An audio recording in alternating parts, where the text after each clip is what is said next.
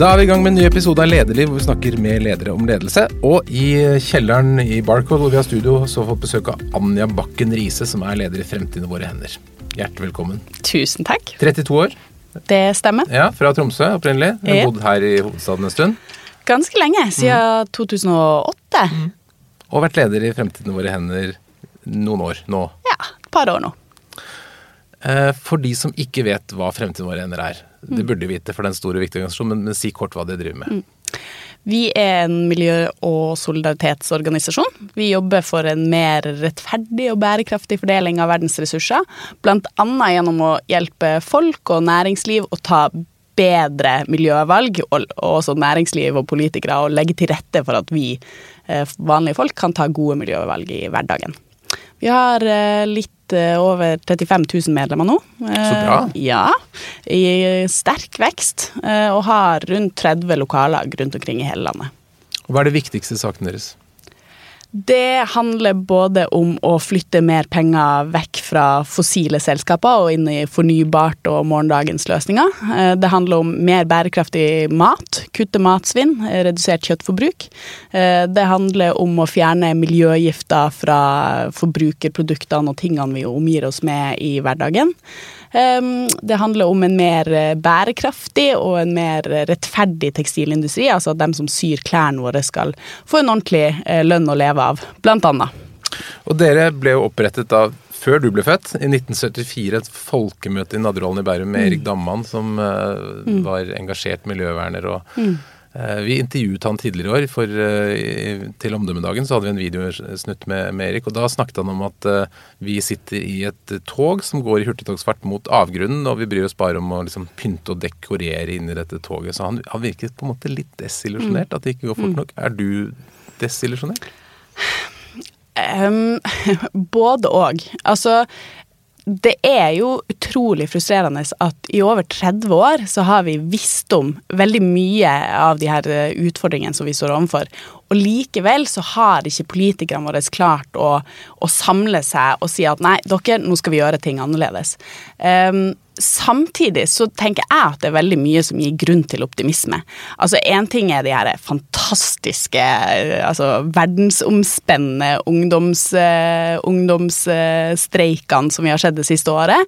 Uh, og og, men også mer sånn generelt, det er et utrolig engasjement både i befolkninga og blant næringsliv, sånn som jeg opplever det, eh, for å skape en mer bærekraftig verden. For at vi må gjøre ting smartere, eh, klokere. Um, men samtidig ting, det skjer ikke kjapt nok. Det gjør ikke det. Og jeg opplever særlig at i politikken så henger man bak.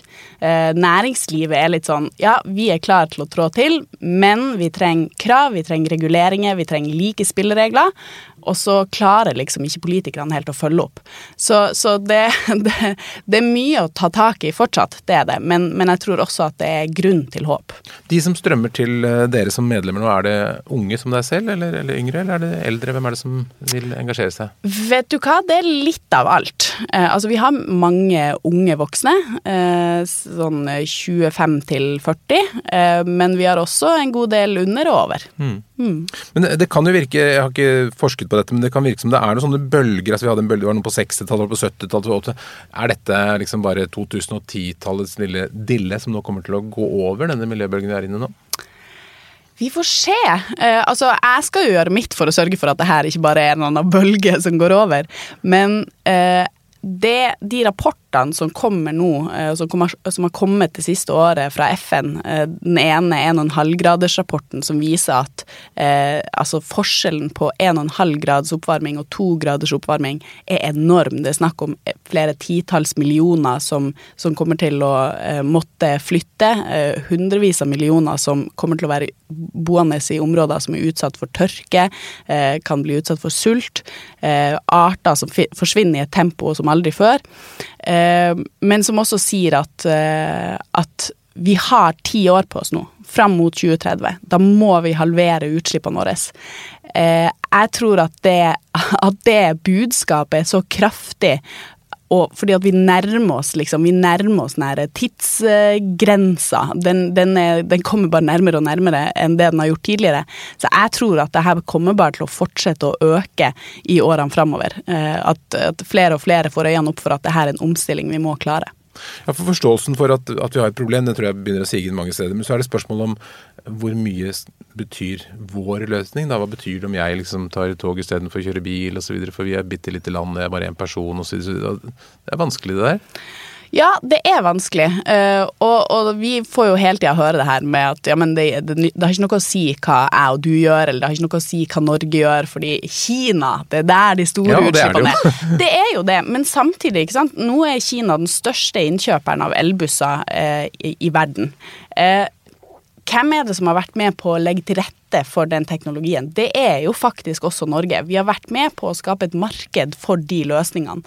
Og der har Norge en mulighet, både fordi at vi har eh, kompetanse, vi har regulering og vi har eh, kjøpekraft.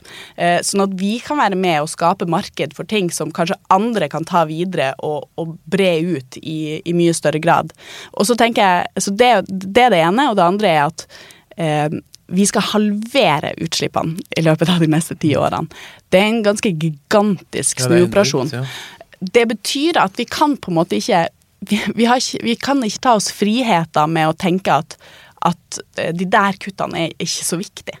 Eh, så selvfølgelig må vi tenke noe om hva er det viktigste, hva er de største kuttene.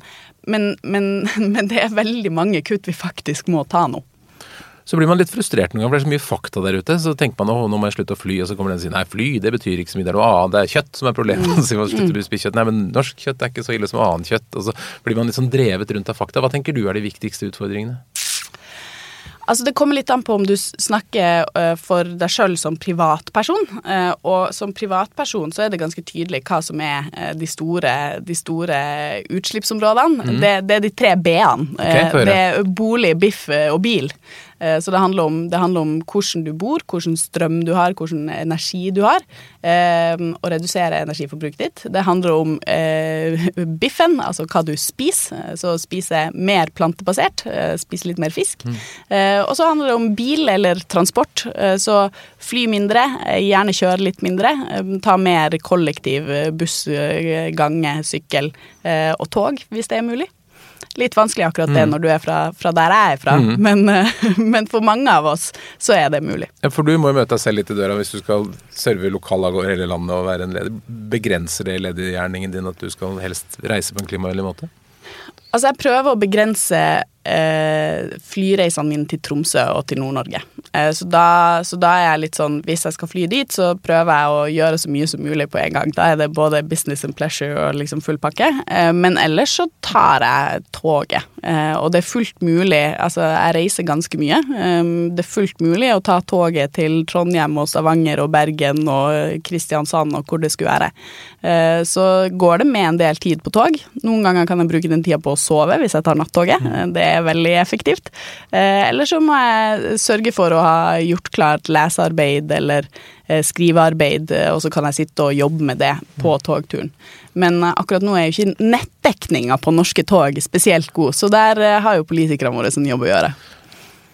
Men da, apropos ting som man ikke tenkte på som er klima, så er dette nett Altså det å streame film jo også blitt en stor klimagreie. Fordi at det er så store utslipp fra disse serverparkene osv. Så, videre, så man burde egentlig ikke se på Netflix heller. Nei, vet du hva, jeg, jeg syns vi skal se på Netflix med god samvittighet. Altså Poenget er jo hvor kommer strømmen fra. Og hvis man sørger for å få de her datasentrene over på fornybar energi, eh, så skal det gå bra. Men det sier jo bare noe om at systemet vårt i dag er ikke spesielt bra. Men det er det vi det er det vi må endre, og det vi jobber for å endre. Ikke at jeg og du ikke skal kunne kose oss med en eller annen serie eller film. Men du røpte meg i stad her før vi begynte opptak at du skulle inn i en periode kanskje neste år hvor du skal prøve å redusere ditt personlige klimaavtrykk mest mulig. Hva, hva skal du gjøre da? Ja, det, det nå, nå, hadde jeg jo egentlig ikke tenkt å snakke om det her allerede. nå er det lurt utpå.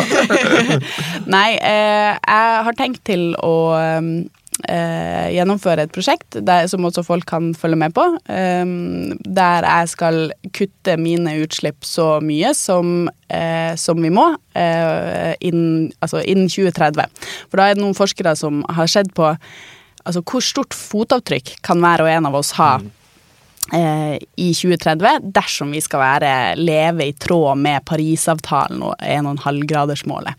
Og de sier at hvis vi skal fordele fotavtrykket jevnt utover verdens befolkning, så kan ikke hver og en av oss ha et høyere fotavtrykk enn 2,5 tonn CO2 per år. Det er ganske drastisk. Hvor mye har vi i dag? Altså Det kommer litt an på hvordan du regner. I det nasjonale klimaregnskapet så sier man at nordmann har 10 tonn CO2. Um, men da har du ikke regna med forbruket og fotavtrykket til forbruket til hver og en av oss. fordi at det kommer ikke på det nasjonale klimaregnskapet. Så hvis du skal ta med det, da, så har nordmenn rundt 14 tonn CO2 per år. Og så skal vi ned 2,5? 2,5 innen 2030. Da blir det ikke mye biff. Nei, det, det er jeg litt sånn spent på å se. Uh, så, men poenget uh, Altså, jeg mener jo ikke at det er opp til hver og en av oss å løse klimakrisa. Altså det, det er politikken som må på plass, det er næringslivet. Um, men så det jeg har lyst til å avdekke i dette prosjektet, er jo også hvor, hvor langt er det mulig for meg eh, som enkeltmenneske å gå, og fortsatt ha en viss grad av livskvalitet, mm. og gjerne god livskvalitet. Og hvor er barrierene? Hvor, hvor, på en måte butter systemet imot meg? Noe av det som frustrerer meg veldig i dag, er jo f.eks. at det er billigere eh, ofte å fly enn å ta toget. Eh, jeg har lyst til å avdekke alle sånne type ting, og, og, og, avdekke hvor er det systemet må endres mm. for at det skal være mulig for meg og deg å leve på en mer bærekraftig måte eh, innen 2030, sånn som Norge har forplikta seg til.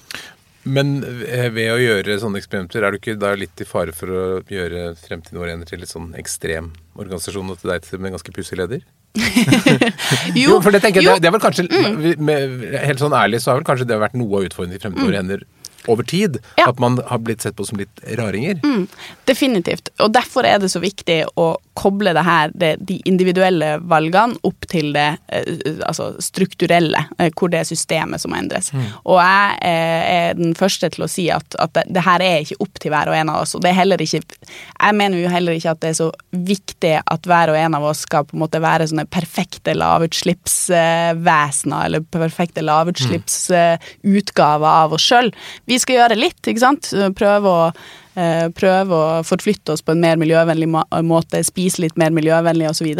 Men det er først og fremst systemet som må endres. Det kommer jeg også til å snakker mye om når jeg skal gjennomføre dette prosjektet. Spennende. Men i dag så ser vi også at, at politikerne ikke helt har innsett at også måten vi lever på eh, i hverdagen vår, og eh, hvordan vi forbruker, hvordan vi spiser, hvordan vi forplytter oss, alle de her tingene må være en del av den omstillinga vi skal gjennom. Mm. Så det er noe av det som jeg har lyst til å avdekke i dette prosjektet, og så komme med forslag til konkrete politiske løsninger som kan gjøre noe med det, sånn at det faktisk blir mulig for oss å komme dit vi skal innen 2030. Hvis vi snakker om politiske løsninger, la oss starte. Er det noe bra? Har, har sittende regjering gjort noe bra for klimaet? Ja, definitivt. Uh, og, og, du kan si at, uh, at uh, Altså, jeg, jeg, tror at noe av det viktigste som skjer, er både den der satsinga på på eh, fornybar energi og, og, og, gi penger til sånn som Nysnø, som, som satser veldig på, på, de løsningene som vi trenger i framtida. Um, men vi henger vi henger så mye etter. Sånn at det liksom gapet til det som må til, eh, blir liksom bare større og større, selv om sittende regjering kanskje til og med gjør mer enn det man har gjort tidligere.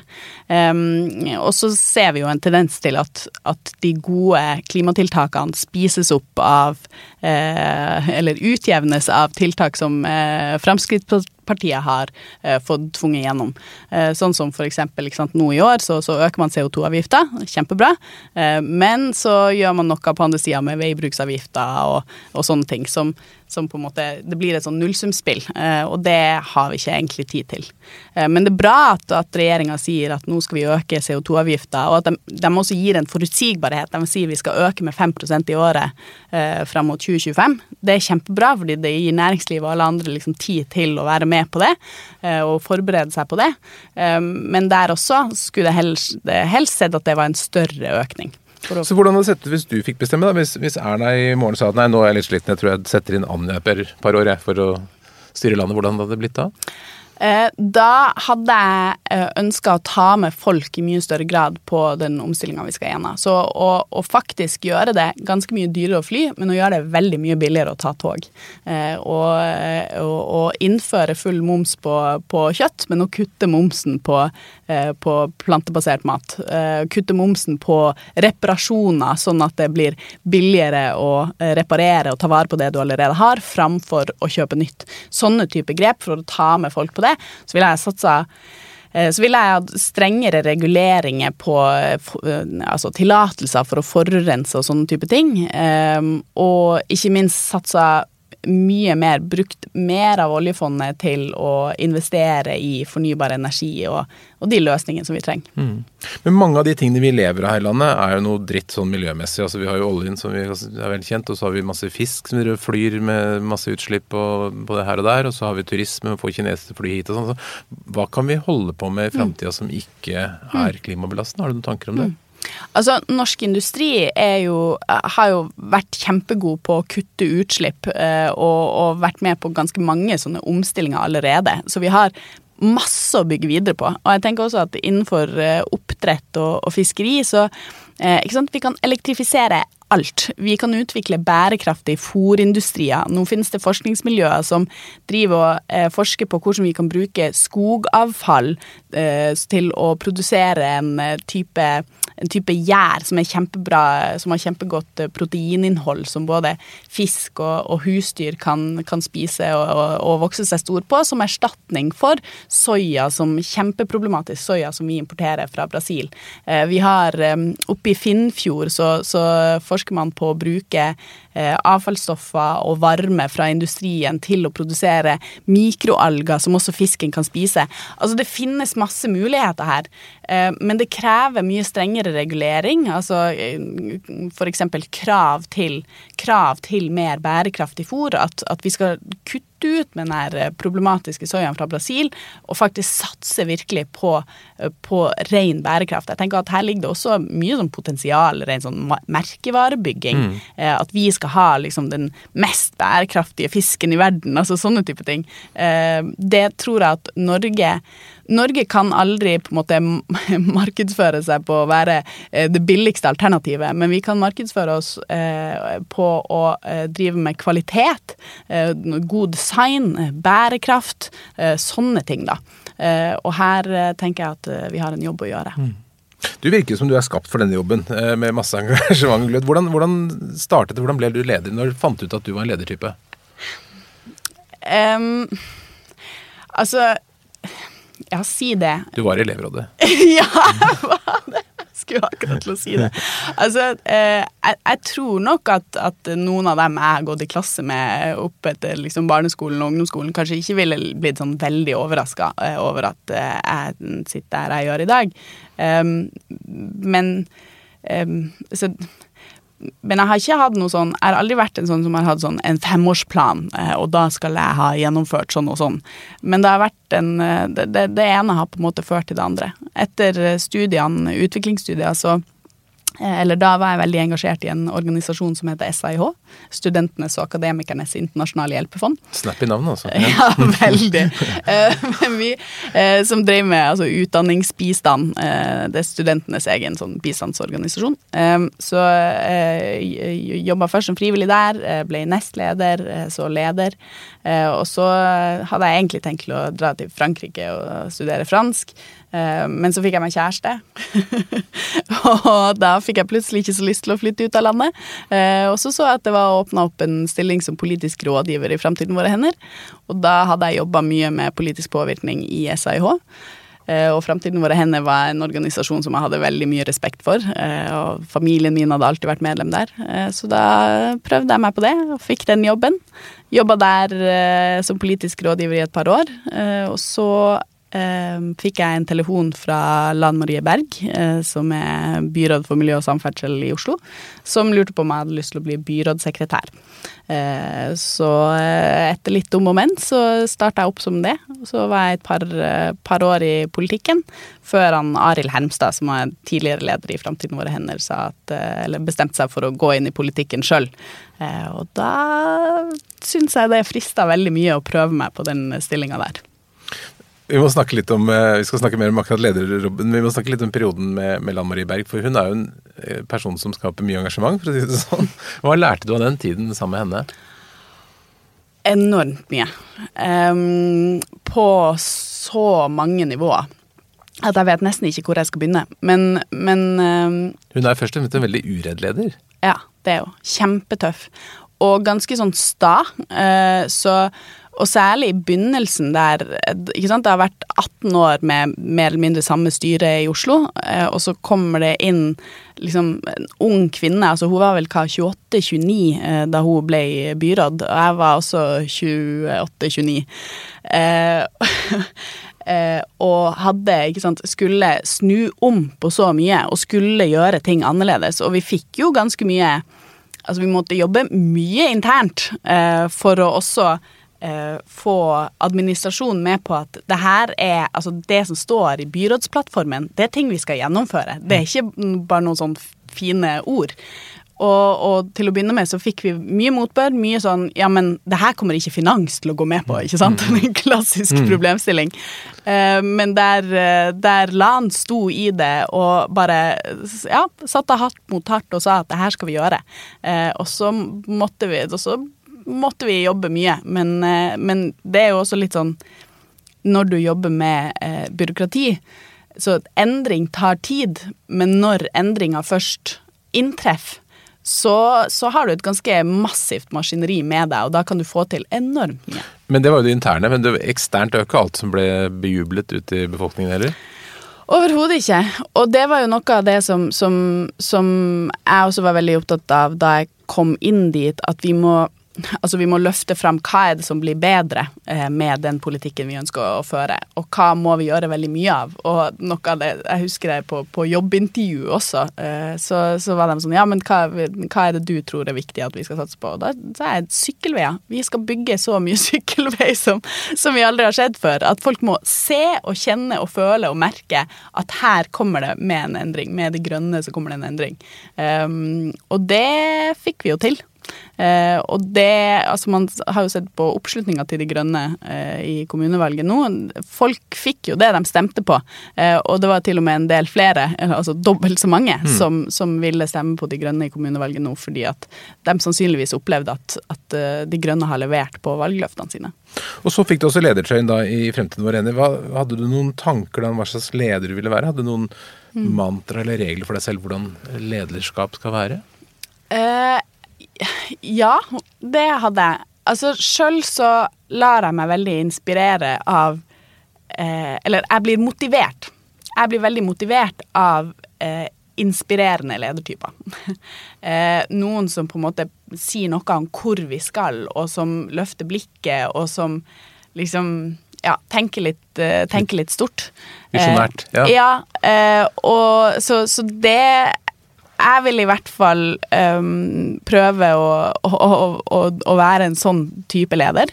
Um, og, uh, og, på en måte å, jobbe for at vi skulle samle oss om felles målsetninger, og at vi skulle bygge lag.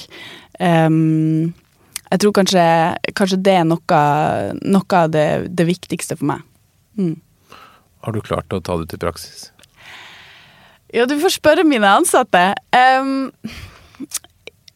ja, på, på, på, mange områder så, så syns jeg at det har gått eh, ganske bra. Eh, og, og, jeg har vært veldig tydelig på helt fra begynnelsen av at jeg tror at vi som organisasjon vi må vokse eh, miljøbevegelsen i Norge trenger å vokse. Vi mm. har eh, de siste tiårene vært ganske små, eh, og, og, da også ganske altså Selv om det er oppnådd ganske mye, så, så blir man jo svak. Man blir ikke lytta til like mye som man bør. Man blir ikke en like stor kraft i befolkninga som man burde være. Så har vært, det har vært noe av det jeg har vært tydeligst på, at vi skal vokse og bli stor. Og det høres jo kanskje litt sånn uh, rart ut, men, men, uh, men til å begynne med det, det, det, det, har ikke bare vært enighet om det, altså. vi er jo en vekstkritisk mm. organisasjon. Ja. Så, så internt så har det både blant eh, ansatte og, og blant medlems, medlemmer vært litt sånn Men er det jo ganske mange aktører i den der bransjen din, så man kunne tenkt fra utsiden at det, kanskje man ikke hadde trengt så mange miljøorganisasjoner, man kunne tatt en som var kjempestor isteden? Mm. Ja, det der er en sånn evigvarende spørsmål. Uh, vi har en ganske god arbeidsfordeling, da. Uh, litt sånn Naturvernforbundet, klassisk naturvern og olje. Vi jobber mye med forbruk, en del med finans. Eh, WWF jobber også en del med natur, men også ganske mye sånn internasjonalt. Um, men ja, det der er et spørsmål vi kommer tilbake til. Litt mellom seg, ja. men, men når du da skal redde verden og forandre alt, og du har en gjeng som sitter på kontoret, og så har du masse tusenvis av folk ute og sånn. Hvordan prioriterer du dagen din? Hvordan klarer du å mm. styre? Mm. Jeg tror jo at eh, noe av det viktigste jeg gjør, er å være synlig og være på. Eh, og være en som vekker tillit og engasjement både i sosiale medier og eh, i riksdekkende medier, TV-flate, debattflate osv. Så, videre. mm. så jeg prioriterer ganske mye tid til kommunikasjonsarbeid. Um, og ellers så tenker jeg det der er en sånn Altså lederens viktigste rolle kanskje er også å hjelpe sine ansatte å prioritere. Uh, jeg, vært, jeg er ganske opptatt av, av målstyring, um, så jeg, liksom, jeg vil ha tydelige mål. Så mye tillit innafor det, um, og, men, men, på en måte vi må ha felles målsetninger som vi, som vi jobber mot. Og så må vi prøve å da bare eh, få vekk det, det, som er mindre viktig, eh, for å klare å nå de målene vi har satt oss. Dere har jo, Hvis man går på nettsiden deres, så er det en ganske stor meny av problemer. Mm. man blir litt sånn Oi, skal vi forandre det og forandre det? Eh, hvordan, hvordan prioriterer dere sakene, hva dere skal jobbe med? Det er mange, mangefasettert.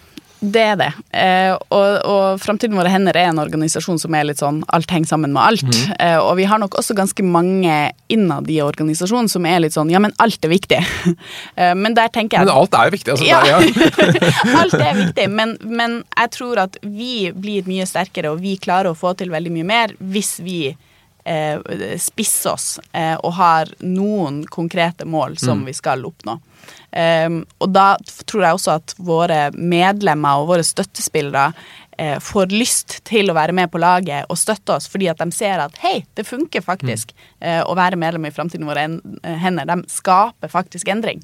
Um, så, så, det tenker jeg, ja, både jeg og ledergruppa som, eh, som, jeg jobber sammen med, at det er en av våre viktigste eh, oppgaver, det er å hjelpe til å prioritere for våre ansatte. Og det er litt sånn som jeg også i, i Altså, jeg, jeg, begynte å jobbe ganske tidlig eh, og har hatt mange forskjellige jobber, og jeg tror at det, det er noe jeg har lært mest av, både av gode og dårlige ledere, eh, er jo eh, altså, særlig altså, på dårlige ledere som ikke hjelper sine ansatte å prioritere, eller som f.eks. får masse gode nye ideer, og som bare slenger ut masse nye gode ideer, og så føler folkene rundt dem at å ja, men lederen sier at nå skal vi gjøre det her, så da, da får jeg gjøre det. Eh, det blir for lite fokusert, og det blir eh, altfor vanskelig å faktisk få til endring, da, som er vår, eh, vår motivasjon. Mm.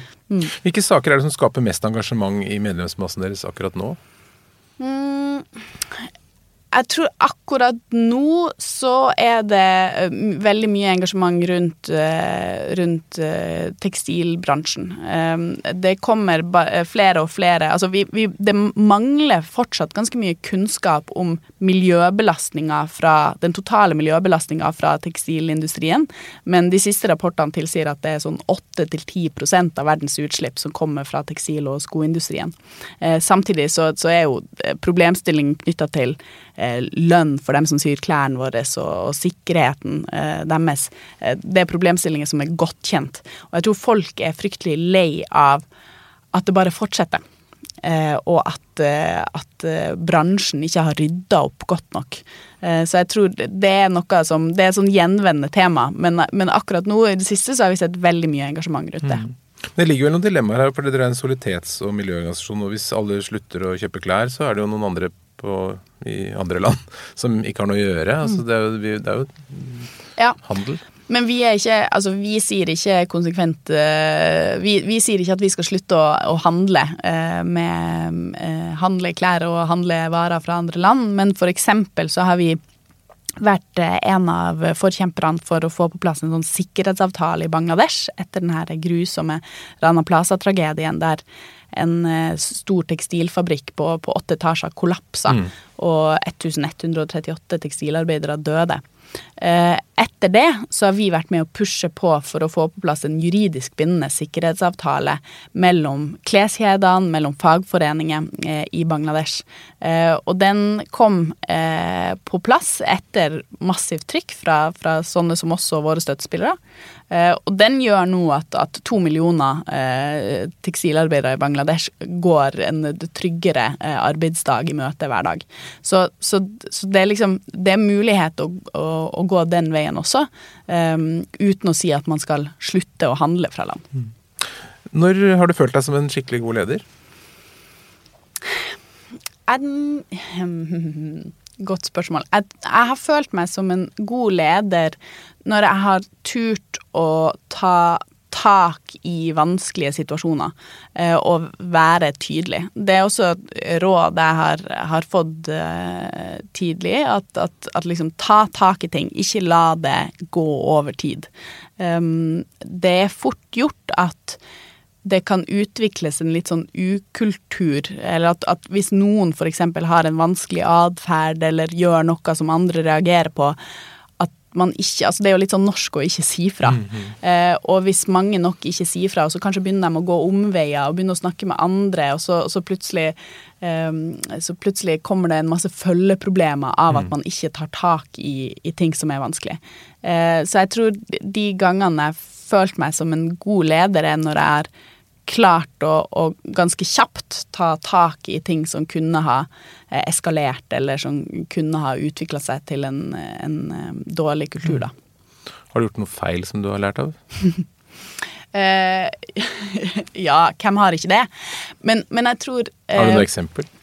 Ja, eller du, jeg, jeg, har et eksempel fra egentlig lenge, lenge, før jeg ble leder, men som jeg har tenkt mye på, og som har eh, vært med meg som leder. Og det var da jeg var student. Jeg studerte i Sør-Afrika, eh, i Durban. Og da, på det som heter University of KwaZulu Natal, så ville vi starte opp en, en miljøorganisasjon, en studentorganisasjon. Og vi, vi liksom satte i gang og hadde masse ambisjoner og, og, ville liksom få til veldig mye. Og vi var en ganske god gjeng, kanskje sånn 20-30 stykker, som, som, alle var liksom sånn Ja, det her har vi lyst til. Og, eh, og, jeg hadde nok tatt en del ansvar der og var litt sånn OK, hva skal vi gjøre? Og så kom det opp masse ideer. Og jeg er litt sånn type som er litt sånn Hvis jeg, kom, hvis jeg legger noe på bordet og sier at det her er min idé, det her kan jeg tenke meg å gjøre, så gjør jeg det. Så når veldig mange da sa at eh, vi er klar for å gjøre alt det her, så var jeg litt sånn OK, da gjør vi alt det der. Så det ble jo etter hvert så skulle vi liksom ha nærmest en sånn festival med 100 forskjellige aktiviteter, og det bare vokste og ble større og større og større. Og, og jeg tenkte at ja, det her blir kjempebra, det her, vi skal ha en festival. det blir helt knall. Um, men da husker jeg, eh, da det liksom nærma seg, og jeg drev jo og maste på alle og pusha, og nå skal vi få i gang denne miljøfestivalen, så jeg husker at ei, ei god venninne av meg um, dro meg til side og liksom satte meg ned for en prat, og så sa hun Anja, nå, nå, har du, nå har du tatt ballen, og så har du bare løpt av gårde. Og så var jeg litt sånn Hæ? Ja, men dere sa jo at dere ville gjøre alle de her tingene. Og så var jeg sånn Nei, men ikke sant, du, du får så mye energi. Du girer deg opp. Du sitter her med masse folk, og så sier du at ja, det her kan vi gjøre, og det her blir kjempebra, og liksom kom igjen. Og da sier folk at ja, men ok, da gjør vi det. Så hun fikk meg til å skjønne at nå var det egentlig bare jeg som hadde det var jeg som hadde gira meg opp, eh, og som hadde bygd opp noe veldig stort uten å egentlig ha med meg eh, folk i tilstrekkelig grad, og uten å egentlig ha en spesielt realistisk plan for mm. hvordan det her skulle skje. Og det har jeg tenkt på veldig, veldig mye. Altså det er eh, viktigheten av å forankre det man skal få til, og sette seg felles målsetninger. Felles og realistiske målsetninger. Eh, og passe på at man ikke bare blir en sånn eh, solo, sololøper eh, som springer av gårde, og som ikke har med seg resten. Jeg hørte en bra metafor på det fra militæret, at hvis du er offiser, så skal du godt gå foran troppen din frem. Hvis du går litt for langt frem, så blir du skutt i ryggen. Ja. det er noe med å ha med seg troppen. Ja, det skjer ikke i miljøbevegelsen, da, men Men, men hvilken, så det har, etter det så har du vært flinkere til å dra med deg folket, da? Mm. Ja, eh, jeg, jeg, tror i hvert fall, og håper i hvert fall det. Eh, og, og, så er det noe også med som leder så altså, du, du, kan ikke gjøre ting helt alene. Du, du, er helt avhengig av å ha ganske mange eh, rundt deg som bistår på ulike måter. Så du må sørge for at det er det omforente mål eh, og hva man skal få til for, for å komme seg dit. Mm. Når vi snakker om klima og, og den endringen vi må gjennom, så blir det ofte med en sånn begrensnings- og problemhatt. Hvilke mm. muligheter ser du for, for ledere og bedriftsledere, f.eks. også i offentlig sektor, eh, at klimakravene gir? Altså, hvilke muligheter ligger dette for ledere? Mm. Altså, jeg tror at veldig mange unge i dag, de ønsker seg en jobb med mening. Eh, de er ikke bare ute etter å, tjene mest mulig penger, eh, de har også lyst til å bidra til noe, noe positivt. Så det at eh, bedrifter eller at det offentlige, og, og, da også ledere, er tydelige på at man har en, en, en miljøprofil, og at man skal få til noe bra det tror jeg at det er veldig appellerende, så at du kommer til å tiltrekke deg eh, de gode hodene og, og, og, bra type arbeidskraft. Vil en leder miste troverdighet hvis man ikke selv er miljøbevisst? Ja, åpenbart. Helt åpenbart. Eh, og, der, og det, det, er jo interessant eh, Altså eh, med, med, Petter og Gunhild Stordalen, som, som, får ganske mye tyn for flyreisene sine, mm. som jo Eh, og bilene. ja, eh, men, men, men, men, eh, på en måte er det litt sånn eh, På en måte er det litt ufortjent fordi at de gjør jo faktisk veldig mye bra for mm, mm. miljøet og har en veldig tydelig miljøprofil eh, på, på, bedriftene sine. Det er ganske mange andre som, som eh, hadde fortjent et kritisk eh, søkelys. Men det, det, koster jo litt å stikke seg fram også. Um, men, men, jeg syns det er interessant å se nå at uh, eh, f.eks. I, i, i, Oslo kommune, da, eh, på dem som jobber med klima og miljø, Eh, altså at de tiltrekker seg utrolig mange eh, kloke hoder, og det kommer folk fra departementene og fra næringsliv over dit fordi at de ser at i Oslo kommune eh, Kommune tenker man vanligvis er noe ganske sånn grått og, og, og mm. traust, men, men altså, de tiltrekker seg masse bra folk fordi at de har tøffe, tydelige mål og er veldig tydelige på at altså Litt sånn der Oslo skal redde verden. Mm. Eh, og det, det funker, altså. Det kommer mye kloke hoder til Oslo kommune nå åpenbart masse energi rundt dette, og mye positivt. Men det, det, er jo enkelte som er litt negative òg. Merker du noe det? Blir du plaget av folk som ikke har lyst til å være med på den store klimareisen? Um, altså, jeg kan få litt sånn sinte og oppgitte e-poster en gang iblant. Men det tror jeg også handler om at veldig mange opplever at det rettes mange pekefingre mot dem. Uh, og det, det, kan jeg jo også forstå. Um, jeg tror de, de, fleste har lyst til å, å være med på å på en måte dra samfunnet vårt i en, i en positiv eh, retning.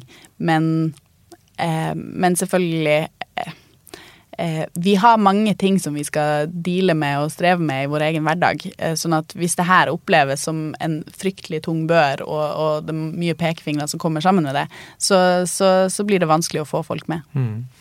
Uh, utvikling sånn politisk med Senterpartiet kan tyde på at det kan bli noen sånn skillelinjer mellom mm. by og land, hvor, det, hvor, eh, miljø og klima blir veldig sånn urbant fenomen, så vi sliter med å dra med oss mm. Bygde-Norge. Hva tenker du om det?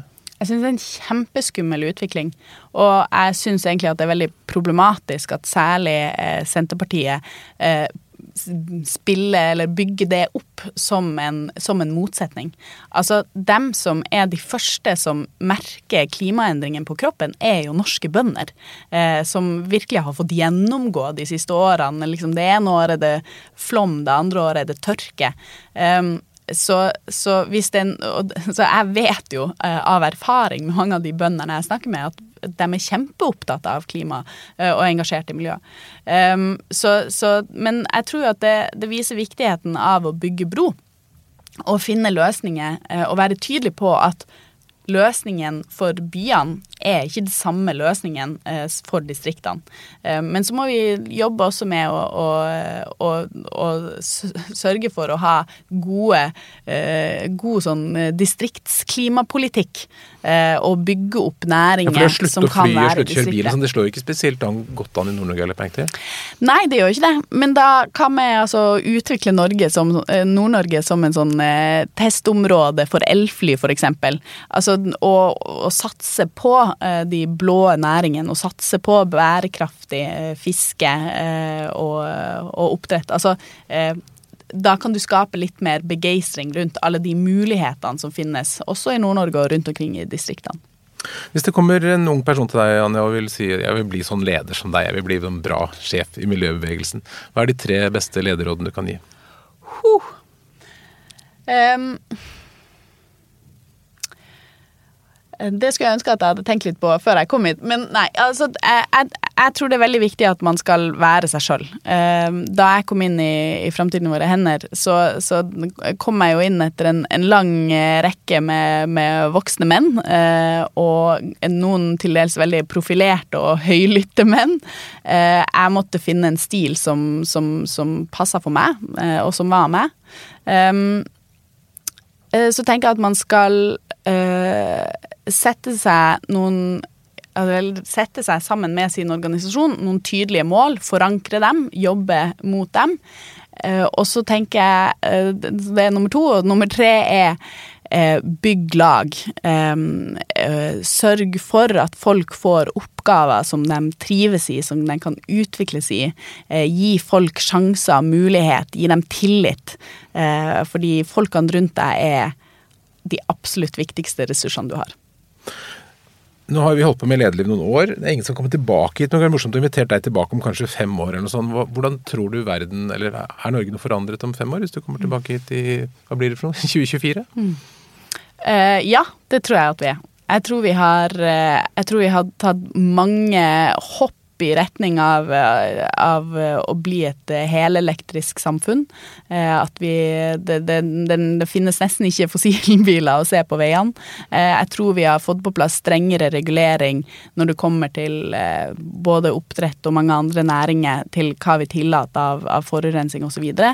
Og så håper jeg Eh, at det blir stadig eh, dyrere å forurense og billigere å ta de gode miljøvalgene. Eh, at, altså nå er det nylig et sånn klimaråd i Storbritannia som har anbefalt en, en frequent flyer-skatt, sånn at det blir Motsatt gullkort. ja, ja, Kullkort! Men da, ikke sant? Jeg tror at mange opplever det litt sånn urettferdig i dag at, at uh, miljøavgifter rammer på en måte alle likt. Um, mens uh, så, så, så hvis, du, hvis, du, sier at ja, det skal koste litt mer uh, å fly, men hvis du flyr mye, så skal det koste skikkelig mye. Det tror jeg også folk syns er ganske rettferdig, fordi det er ikke det er ikke dem med minst som flyr mest, for å si det sånn. Så, så liksom noen sånne type grep også håper jeg at vi går i retning av, og at det blir veldig mye billigere og bedre å ta tog. Det blir spennende. Vi satser på et møte igjen om noen år. Tusen takk for at du kom til Redelig, Vanja Bakken Riise. Takk. Takk for at du hører på Lederliv, som er en podkast fra kommunikasjonsbyrået Apeland. Redaksjonen består av Ellen Paulsen, Lars Jarle Lars Volden og meg, Ole Kristian Apeland. Du finner alle utgavene på lederliv.no, eller der du ellers finner podkast. Og hvis du trykker på abonner på appen i telefonen din, så får du varsel når det kommer nye episoder. Vi er også glad for alle former for ris, ros og tips om spennende ledere.